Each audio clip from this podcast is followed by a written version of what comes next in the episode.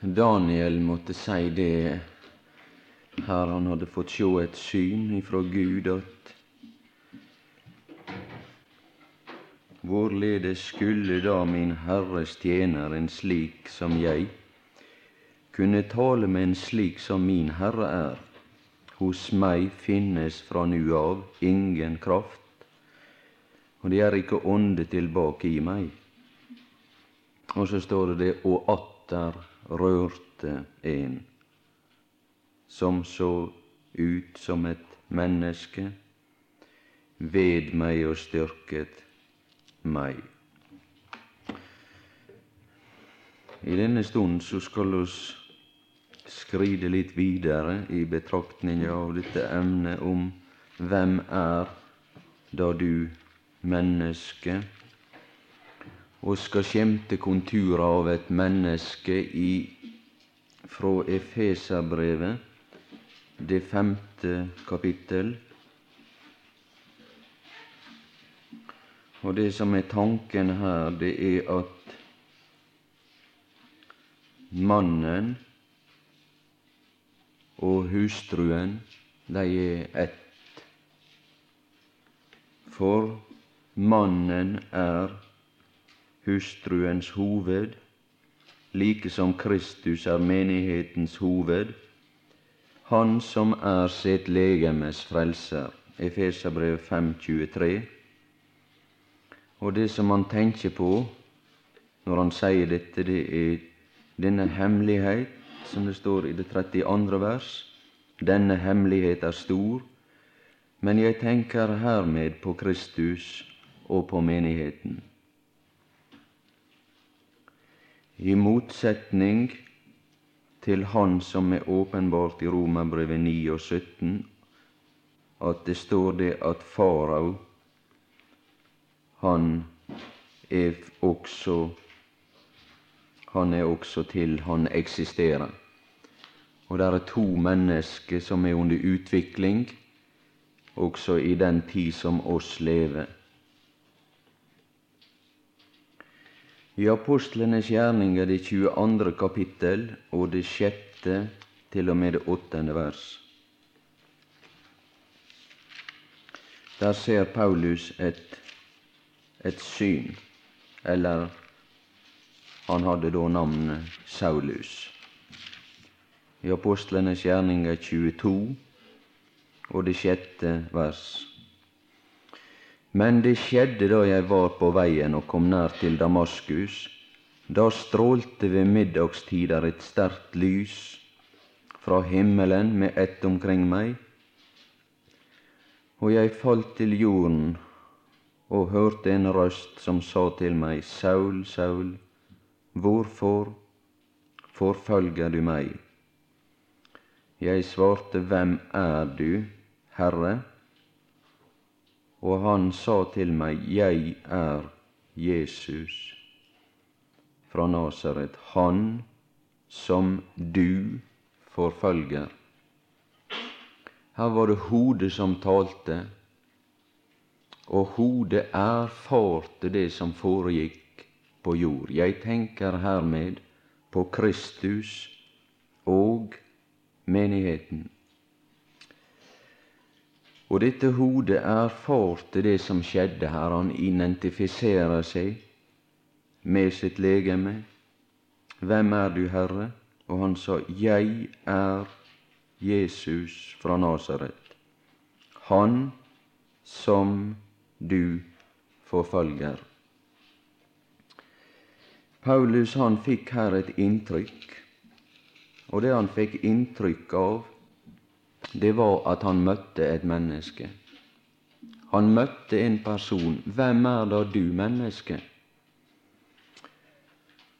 Og hvis du leser Paulus sin historie og sitt liv, og så spør du han er du møtt noen som har gjort inntrykk på deg spesielt? Ja, sa han, det må nærmest være den som jeg møtte på vei til Damaskus når han talte og viste seg. Da fikk jeg et inntrykk som var slik at det tok fullstendig knekken på meg. Paulus fikk et inntrykk som gjorde det at han blei liggende som en død. Han blei slått fullstendig ut av dette syn. Det var ikke bare det at det imponerte han, men det hadde ei virkning som gjorde det at han erfarte det. Jeg er støv, og jeg er ingenting. Og hvem er du, menneske som tar til gjenmæle mot Gud? Han blei ganske slått ut av dette syn. Men eh, hvorfor hadde han da i ei periode av sitt liv rast og følt det slik at han var ei sterke løve som var i stand til å gjere meget ondt imot dei som tilhører Herrens og Guds vei. Han var sterk, Paulus eller Saulus, og han gikk fram på denne vei og fnyste av trussel og mord imot Guds menighet. Og himmelen, han var taus. Og Saulus, han gikk sin vei og ante fred og ingen fare. Men så åpenbarer han i et lite øyeblikk Saulus. Du må, du må få sjå hva du holder på med. Du må få sjå, du må få litt kunnskap om hva du bedriver i denne verden. Og det fikk virkninger. Det fikk voldsomme virkninger. Han falt til jorden. Og uten å komme nærmere inn på Paulus sitt liv og det som han blei til, så gjenger det an å si at han fikk smake litt av det som det ville si å røre ved Guds øyensten og det som han elska. Det var det ene. Og for det andre så fikk han også inntrykk av hva sannheten om Kristus og Kristi menighet var for noe. Og lodde litt av den dimensjon som det var, som det hadde, dette mennesket. For ei personlighet det var og utgjorde, og den er slik, som det også står i åpenbaringa, når eh, han blir åpenbart for Johannes. Da jeg så ham, falt jeg ned for hans føtter som en død. Og når oss gjenger i denne verden og lite erfare av det som oss egentlig er i kraft av vår oppreisning, så har det si bestemte hensikt at oss med hensikt er skilt ifra himmelen for ei tid oss er med hensikt skilt ifra vår opprinn, ifra vår, ifra vår egentlige stilling, slik at himmelen den er taus i forbindelse med den forfølgelse som ramma Jesus ifra Nasaret, som ramma Kristus i og med at det ramma de troende. Jeg er Jesus, Han som du forfølger. Jeg tenker hermed på Kristus og på menigheten.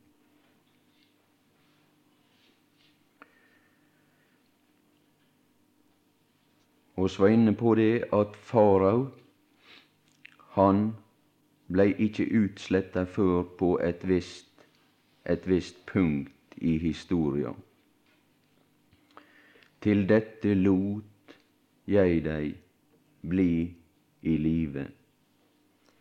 Og Bibelen han har eksempel på at Gud er svak når han skal utøve dom over sine fiender. Hvis du vil få et inntrykk av det ut ifra Det gamle testamentet i form av bilder, kan du studere litt historia til David og lese om Adonja, og du kan lese om Absalon. Det så ut som om at det skulle koste David hans trone at han ikke behandla Adonja strengere enn han gjorde. Han hadde aldri talt hårdt til han. Og i forbindelse med Absalon så så det ut som om det skulle koste David hans liv, det at han ikke slo Absalon i hjel allerede på et tidligere tidspunkt. Men der ligger også ei hensikt bak at denne motstand får utfolde seg. I Andre Mosebok, det 14. kapittel og 13. vers,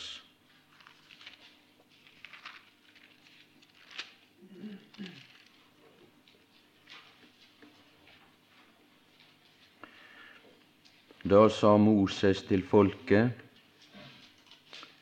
frykt ikke, stå nu her og se Herrens frelse, som Han vil sende eder i dag. For som dere ser egypterne i dag, skal de aldri i evighet se dem mere. Og det tjuende vers den kom imellom egypternes leir og Israels leir. På den ene side var den sky og mørke, og på den annen side lyste den opp natten. Der er et skille. Jeg veit ikke om du kunne huske denne linje på denne skissa som oss hadde. Så på den ene side der er mørke, og på den andre side der i lys det er disse to leirer. Den ene leir kom ikke inn på den andre hele natten. Det var da denne tanke at Israels folk skulle bli utsletta. Men så handla Gud i dom i det 24. 24. og 25. vers, og det er til advarsel for de som står Gud imot, har han vist det at det kan ikke gå i det uendelige å stå Gud imot. Gud dømmer motstand, og han fjerner motstanderen, den som tar til gjenmæle mot Gud. Det samme var tilfellet for Israel når han bort han let sitt folk bli bortført til disse fremmede rike og land. Når han hadde brukt sin tjener Nebukadneser og disse som han sette over sitt folk, så slo han også dei som hadde behandla oss minste små på denne måten.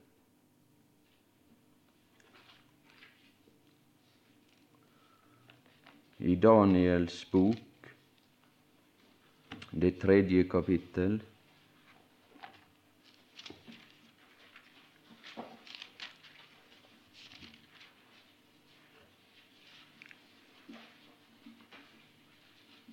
Det er et uttrykk og et bilde oss får inntrykk av de troendes stilling, Guds folk sin sine kår i verden.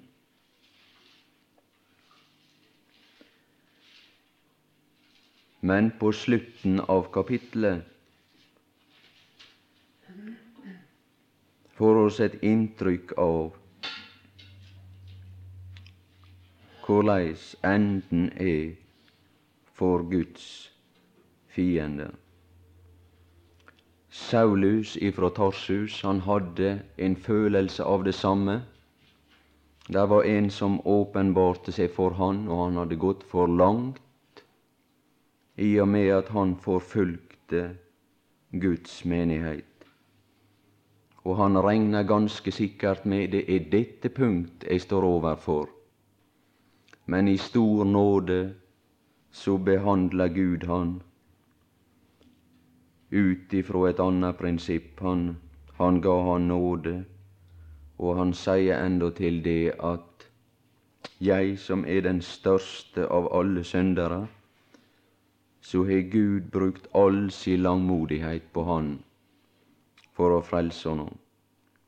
Men han hadde denne følelse at han skal hugges i stykker, hans hus skal gjøres til en møkkdynge.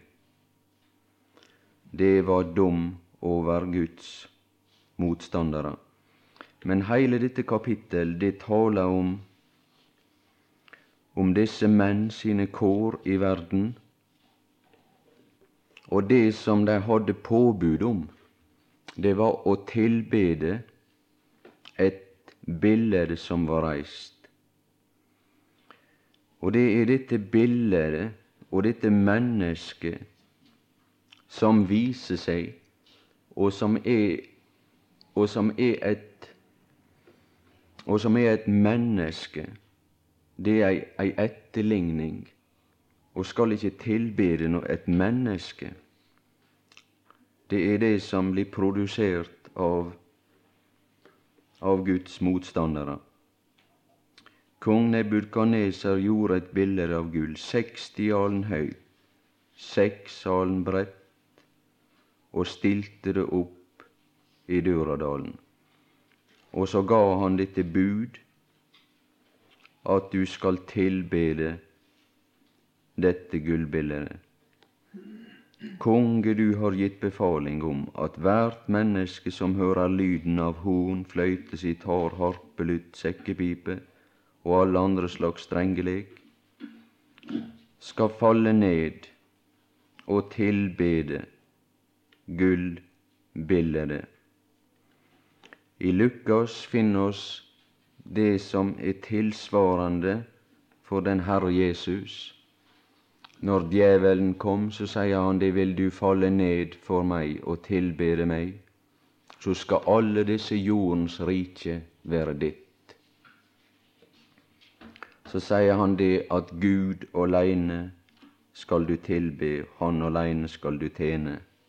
Det er ingen som skal ha tilbedelse uten Gud og det guddommelige bildet det er det som er det eneste sanne inntrykk av det som er godt, som skal ha tilbedelse og beundring.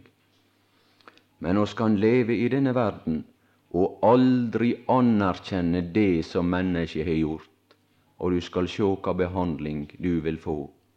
Og så kan du si det at det er én som er god, og det er Gud. Så skal du sjå hva status du vil få i denne verden. Du skal bli forfulgt ifra først og til sist. For det er en fornærmelse imot mennesket. Det blir tatt som en fornærmelse. Men du skal vite, konge, at vi ikke vil dyrke dine guder, eller tilbede det gullbildet du har stilt opp. så går de inn i ild, disse fire menn, disse tre, Sadrak, Mesak og Abednego. Så la oss ifra Efeserbrevet, eller kanskje oss ikke la oss det, men der står det Han er sitt legemes frelser. Oss erfare frelsende virkninger i vårt liv ved Han som er å sjå til som en gudesønn. Jeg ser fire menn som går løse omkring inne i ilden, og det er ingen skade å se på dem, og den fjerde ser ut som en gudesønn og det er Han som er hodet for menigheten og er sitt legemes frelser.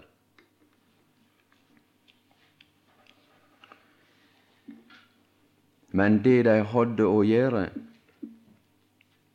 de hadde ikke makt til å unngå å komme inn i denne ovnen.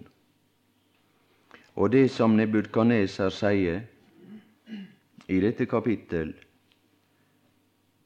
Nebukadneser tok til orde, de fikk advarsel, og sa til dem, er det med forsett, Sadrak, Mesak og Abenego, at dere ikke dyrker min Gud, og ikke tilbeder det gullbildet jeg har stilt opp.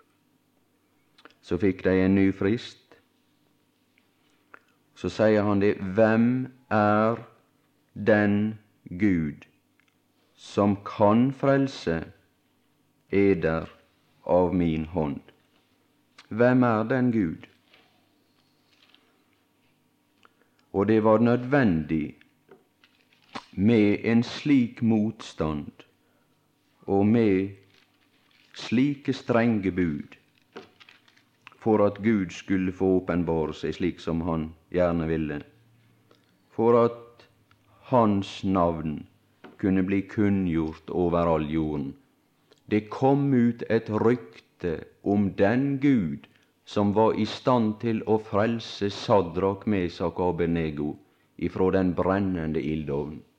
Og det ryktet spredte seg, slik at det som så ut for å være ei ulykke, det vendte Gud til å bli til ære for sitt navn, og det kom ut kunnskap om den sanne Gud. Men det som de ikke hadde muligheter for, det var å slippe å komme inn der. Og her er da utførlig skildra det som, som står her. Han bød da noen sterke menn i det tjuende vers. Ja, det var sterke menn. Han bød da noen sterke menn. Og denne ovnen skulle opphetast til å bli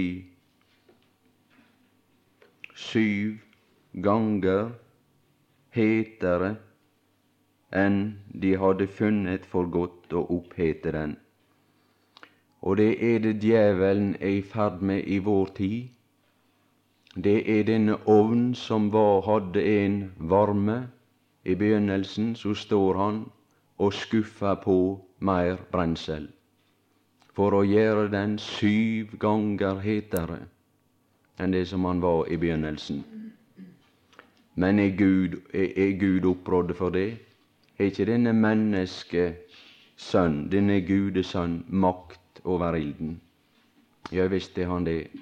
Og der hvor synden ble stor, ble nåden enda større. Så skal Gud åpenbare seg, si makt, som frelser for sitt legeme. Og den makt skal oss få være med og erfare og betrakte i de dager som oss går i møte, sjøl om de er i ferd med å fyre så godt som de kan med denne ild. Men det skal bare vende seg til å bli til ære for Guds navn. Men det som de ikke hadde mulighet for, og det som jeg vil peke på her, det er det at han, had, han bød noen sterke menn i hans hær å binde Sadrak, Mesak og Abenego, og de måtte ganske rolig la seg binde av sterke menn. Og de kunne ingen motstand gjøre på dette tidspunkt. Og hodet viste seg ikke Himmelen han åpna seg ikke på dette punkt. Mennesket har fått sitt herredømme igjen. For Saulus ifra Tarsus er allereie sett dette mennesket som herre. Hvem er du, Herre? Jeg er Jesus fra Nasaret. Allereie på det tidspunkt hadde mennesket blitt herre, og ved å åpenbare si sanne makt og sin posisjon og sin innflytelse, så ville alle mann være døde som sto dette legeme og dette mennesket imot. Men himmelen, han er taus i den tid som oss lever i. I første Korinterbrev, det fjerde kapittel og åttende vers,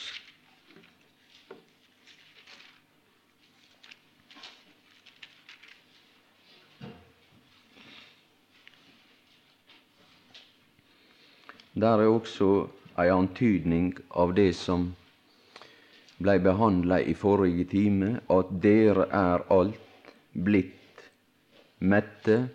Det er slike som utviser ei altfor stor beskjedenhet når de forsyner seg av det som Gud er å gi, men det er ei anna sak. Så var det en feil til med disse korintere. Dere er alt blitt rike, men var ikke de rike når de var satt med Kristus i himmelen? Jo visst var de rike, de var velstandsfolk på en måte. Men de slo seg til ro, for det var enda større rikdom å vinne. Det var det som var. Men så var det det tredje. Dere er blitt herrer. Det er også en fare. At det er oss bli herre før tida, oss bli herre i denne verden, og skaffa oss innflytelse i denne verden, og herska over de som vi er sammen med. Og det er ikke den vei som det er mulig å gå for å vinne verden. Og det er ikke det som er den guddommelige vei og måte. Det er å vente inn til Guds time. Det er alltid det som er Guds prinsipp.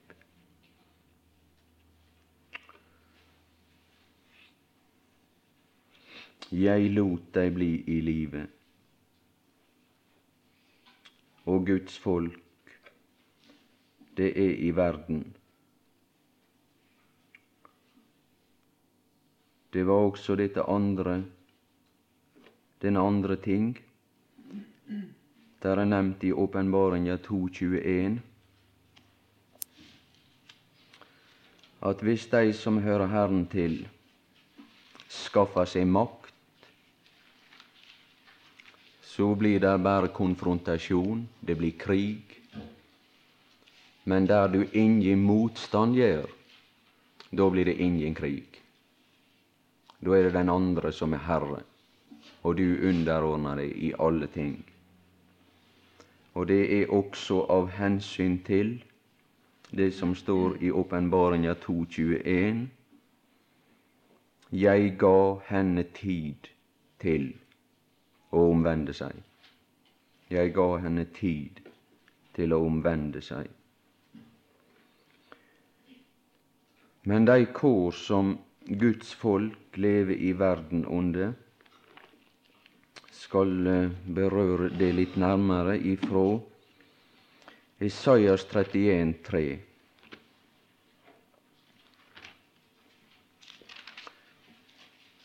Egypterne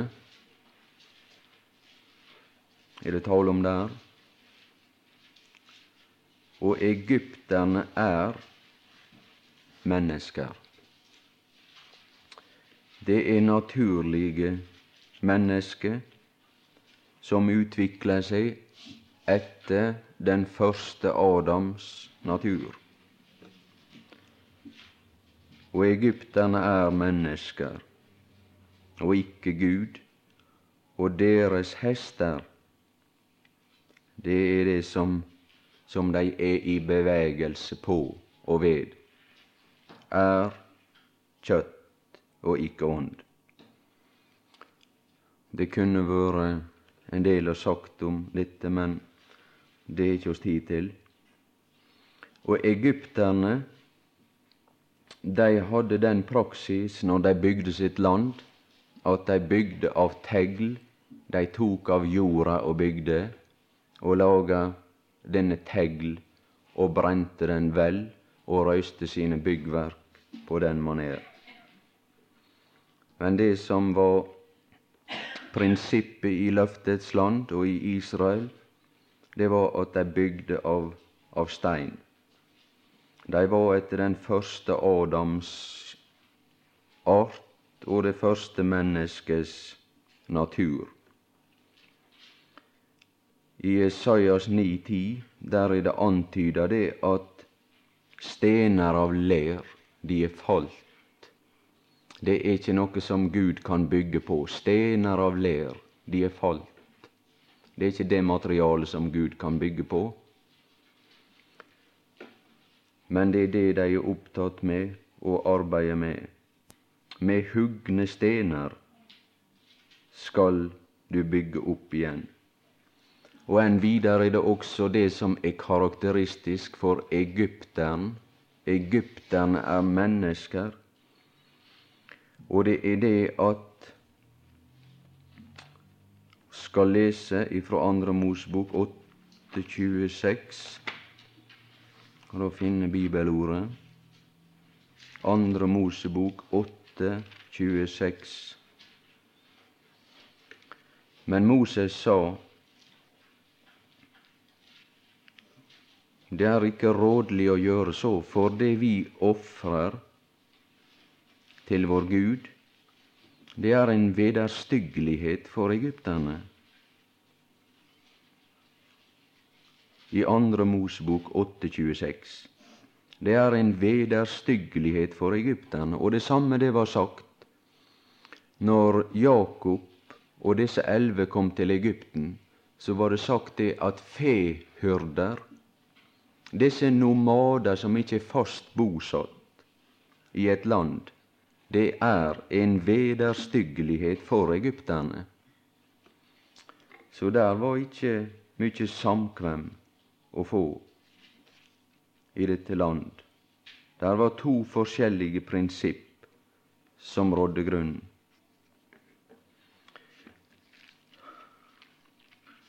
Vi nevnte visst litt om det i formiddag i forbindelse med at han var sitt legemes frelser, og som Fader så tukta han sitt barn for å oppdrage det, men det var ikke, det var ikke nok. Og skal lese ifra andre krønikebok og ta noen inntrykk derifra. Og det som er ei lære i dag, det er at hvis du opplever motgang i denne verden på forskjellig vis, så kan du søke feilen hos deg sjøl. Og det er iallfall klart at ingen av oss av eder må lide som ugjerningsmenn i denne verden. Og det som må sår i kjød, det skal oss hauste i kjøtt, det er ei lov. Men så er det også ei anna lov, det er at oss er plassert og er under fremmed herredømme. Og under et press ifra denne verdens fyrste, den som står Guds ordning imot. Men la oss gå til andre krønikebok.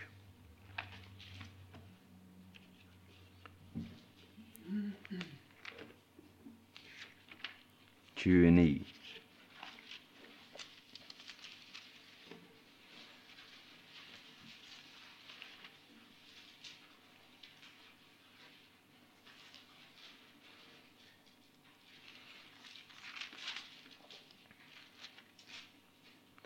Andre krønikebok 29.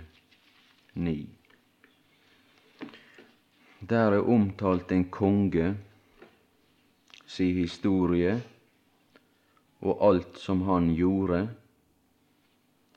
Hvis å studere denne konge si historie, han var konge over Israel, så vil du finne det at det ikke er nevnt et negativt trekk i forbindelse med denne konge. Det er kong Esekias.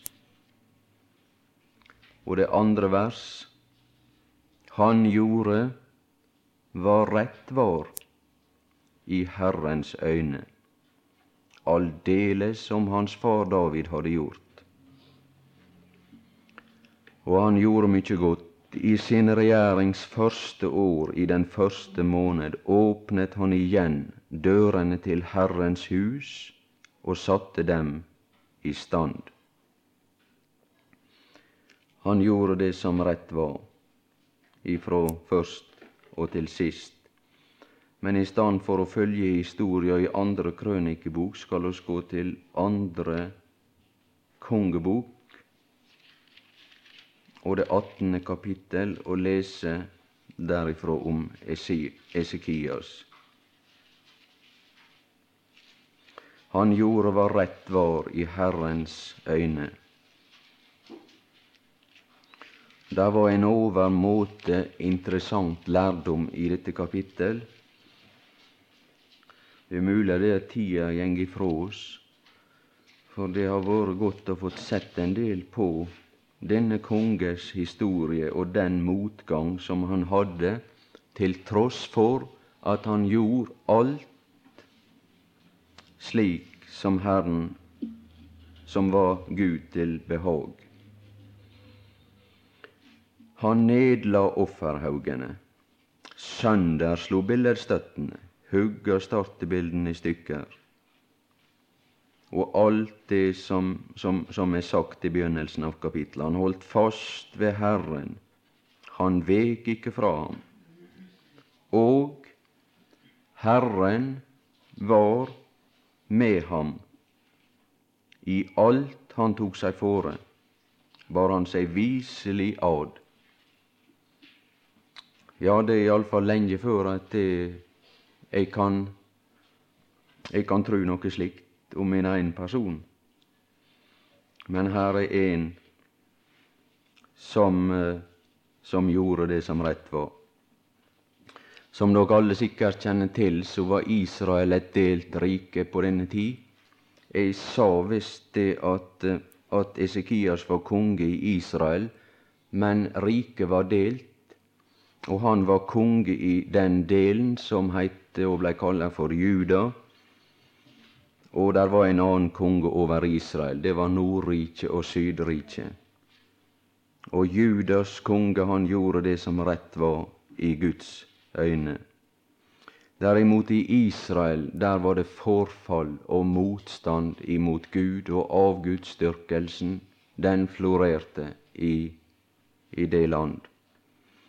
Men så kjem det som er interessant ifra det ellevte vers. Og kongen i Asyria bortførte Israel til Asyria og flyttet dem til Halao, til Habor. I det tolvte vers fordi de ikke hadde hørt på Herrens, sin Guds røst. Han behøver ikke ha så voldsomt sterk sans for logikk for å forstå det som her står. Fordi de ikke hadde hørt på Herrens, sin Guds røst, men overtrådt Hans pakt. Alt det Moses, Herrens tjener, hadde befalt. Verken hørte eller gjorde efter det. Ja, det var den historien. Så er her en annen konge, det er Esekias. Og det som står her i forbindelse med Esekias, det er at kongen i Asyria Sankreb, han drog opp imot alle Judas faste byer og inntok dem. Da sendte Judas konge Esekias bud til den asyriske konge i Lakis og lot si:" Jeg har syndet der var en fin mann. Han hadde ikke synda, og allikevel så retta han dette blikket innover, og så sier han det med seg sjøl 'Jeg har syndet'. Så tror han det, det må være noe galt. 'Jeg har syndet'. Og så sier han dette Hva du legger på meg, vil jeg bære. Hva du, Sankreb, legger på meg, vil jeg bære. Og han var ikke beskjeden, Sankreb. Han var ikke beskjeden. Da påla kongen i Asyria Judas konge Sikias å betale 300 talenter sølv og 30 talenter gull, og Esekias gav alt det sølv som fantes i Herrens hus og i skattkamrene i kongens hus. Han tapte alt. Og den som taper sitt liv, han skal vinne det. Han ga det alt. Han ga det alt. Og så sto han igjen som en fattig mann. Og så underordna han seg under denne. Ja, det, det er, her er Her er noe som er Ved den leilighet lot Esekias gullet bryte av dørene på Herrens tempel. Jeg tror det er på Sunnmøre har skott over de er der, og samla skatter. Det skulle ha blitt temmelig mykje å finne, ja. Ei flotte bedehus. Voldsomt fine bedehus og fine kirker også. Kanskje det, det har blitt vel så godt hvis han braut alt gull og all glemmer og alt sammen vekk, og så blei litt fattigere. Jeg er rik, var det sagt om en, om ei, om ei menighet i, åpenbaringa. Men du er ussel og ynkelig og fattig og naken. Så råder jeg deg at du kjøper av meg gull som er gløda i ild, så kan du tape alt dette falske fjaset som du arbeider med her, og få de sanne verdier. Den som taper sitt liv, han skal vinne det. Det er det som er hensikten med å la denne konge få regjere og få ture fram imot den som også ikke har synda, og som det ikke er grunn for å røre ved og han gav det til kongen i Asyria. Men han var svikefull i sine råd. Og jeg skal si det, det at denne kongen han blir aldri mett. Du kan føye deg i det uendelige overfor denne konge, og du skal erfare det han aldri blir mett.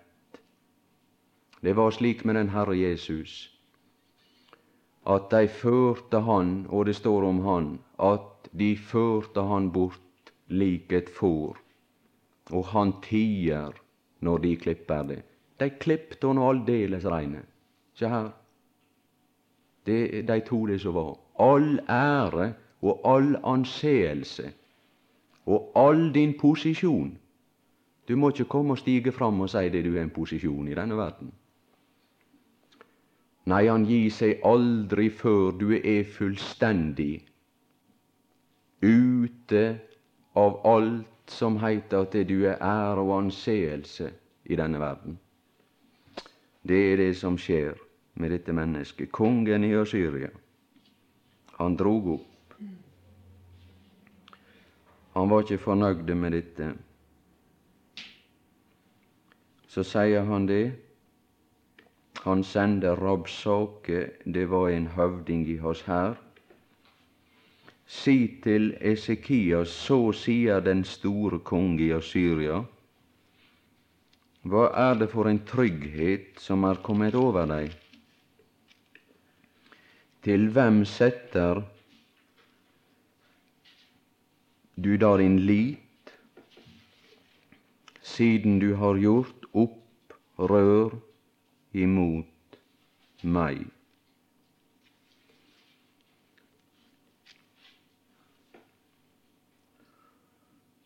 Han uh, taler her. Men dere sier vi setter vår lit til Herren vår Gud. Så kjem han da med store ord som er imot den hellige, og her er et samsvar hvis du leser om Antikrist i Daniels bok. Han taler store ord imot den eneste sanne Gud.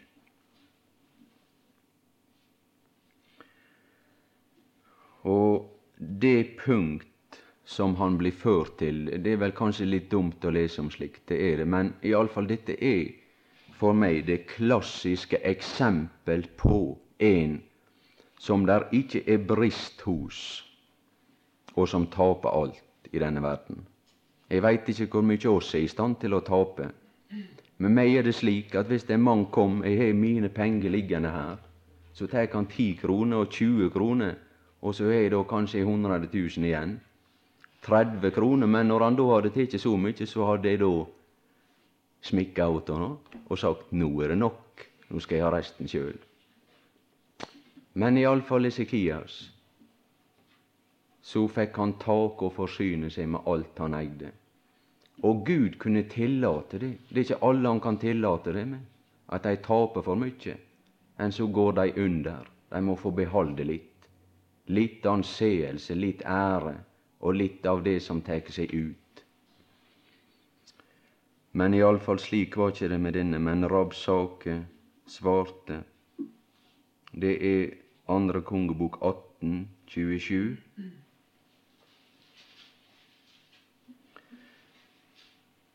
Er det til din Herre og til min Herre Ja, jeg skal lese midten av verset. Der står det om dei som må sitte, som sitter på muren og må ete sitt eget skarn og drikke sitt eget vann, like som i selv. Og Rabsake trådte frem og ropte med høy røst på jødisk. Skal si det, det at han kunne kananspråk. Det kunne han. I sin motstand imot Gud skal det stige en fram som taler Kanans språk, og legge fristelser for de som hører han til. Hør den store konges, den asyriske konges ord. Så sier kongen, la ikke Esekias narret eder, for han makter ikke å redde eder av hans hånd, og la ikke Sikios få eder til å sette deres lit til Herren i det han sier. Herren vil redde oss, og denne by skal ikke gis i kongen av Assyrias hånd. Hør ikke på Esekias, for så sier kongen i Assyria, gjør fred med meg og kom ut til meg, så skal De få ete hver av sitt vintre og av sitt fikentre, og drikke hver av vannet i sin brann til jeg kommer og henter eder til et land som ligner eders land, et land med korn og most, med brød og vingårder, et land med oljetrær og honning, så jeg kan leve og ikke dø. Den som mister sitt liv, han skal vinne det. Det er det som er. Så kom han med en tale på jødisk og sette fram dette tilbud om at du skal få leve, og du skal få flytte til et land som ligner det land som er løftets land, og som var for Guds arv, Kanan, det land som Gud hadde gitt deg. Hør ikke på Esekias når han vil forføre eder og si så videre. Men folket tidde og svarte ham ikke et ord. For kongens bud lød så, du skal ikke svare ham. Men her er ei voldsomt lang historie, og tida den er gått. Det er heile det nittende kapittel også i, i, i denne sammenheng. Da Esekias hørte det, sønderrev han sine klær og kledde seg i sekk og gikk inn i Herrens hus. Han ydmyga seg for Gud og gikk inn i Herrens hus. Og du finner beretninga slik som hun er i dette kapittel. Og jeg tror det at oss forfølger klokka, det er vel det som er det eneste riktige. Og bare som avslutning på dette bildet må oss da lese ifra det trettiende vers. Det som var heile hensikta med denne tildragelse, uten oss kan gå i detalj inn på alt som skjedde, så er det iallfall et resultat. Og det er det som står i det trettiende vers. At den rest som har sluppet unna av Judas hus, skal skyte dypere rot nedentil. Det er altså balanse her. Alltid er det balanse. Å skyte dypere rot nedentil, slik at det som er under jorda, det er den samme dimensjon som det som er over jorda, skal skyte dypere rot nedentil og bære frukt oventil. Det var frukt som blei av, av dette. Ja, ja. Og det som blei resultatet av disse store ord som han talte, Derfor sier Herren så om kongen i Asyria. Han skal ikke komme inn i denne by og ikke skyte en pil inn i den. Men han heldt den omringa inntil det punkt som var løse om i det 18. kapittel og det 27. og 28. vers. Og Guds prøve, den kan gå så langt. Det går an. Ja, Herre Jesus, du ser det, det blei i bare en teori, og jeg veit ikke hva praktisk anvendelse det kan ha, men kanskje oss iallfall kunne ha bruk for å, å få teorien om dette. og å få kjennskap til hvor vår status er i denne verden, egentlig. Men å søke ikke lidelse, å søke ikke motstand, så hvis du åpner for oss, så gjeng oss frimodig. Men eh, det er bare du som kjenner til hvordan du vil føre den enkelte av oss. Det er du aleine som veit, Herre, men den som setter sin lit til deg, han blir ikke til skamme og han er den som skal beholde æra og tak imot opphøyelsen når det skal åpenbarast det som du fikk ut av å ha oss i fiendeland. Må du, Herre, velsigne den neste time, når Jan Harald og legge alt godt til rette for Han. Det ber oss om vår Gud i Jesu navn. Amen.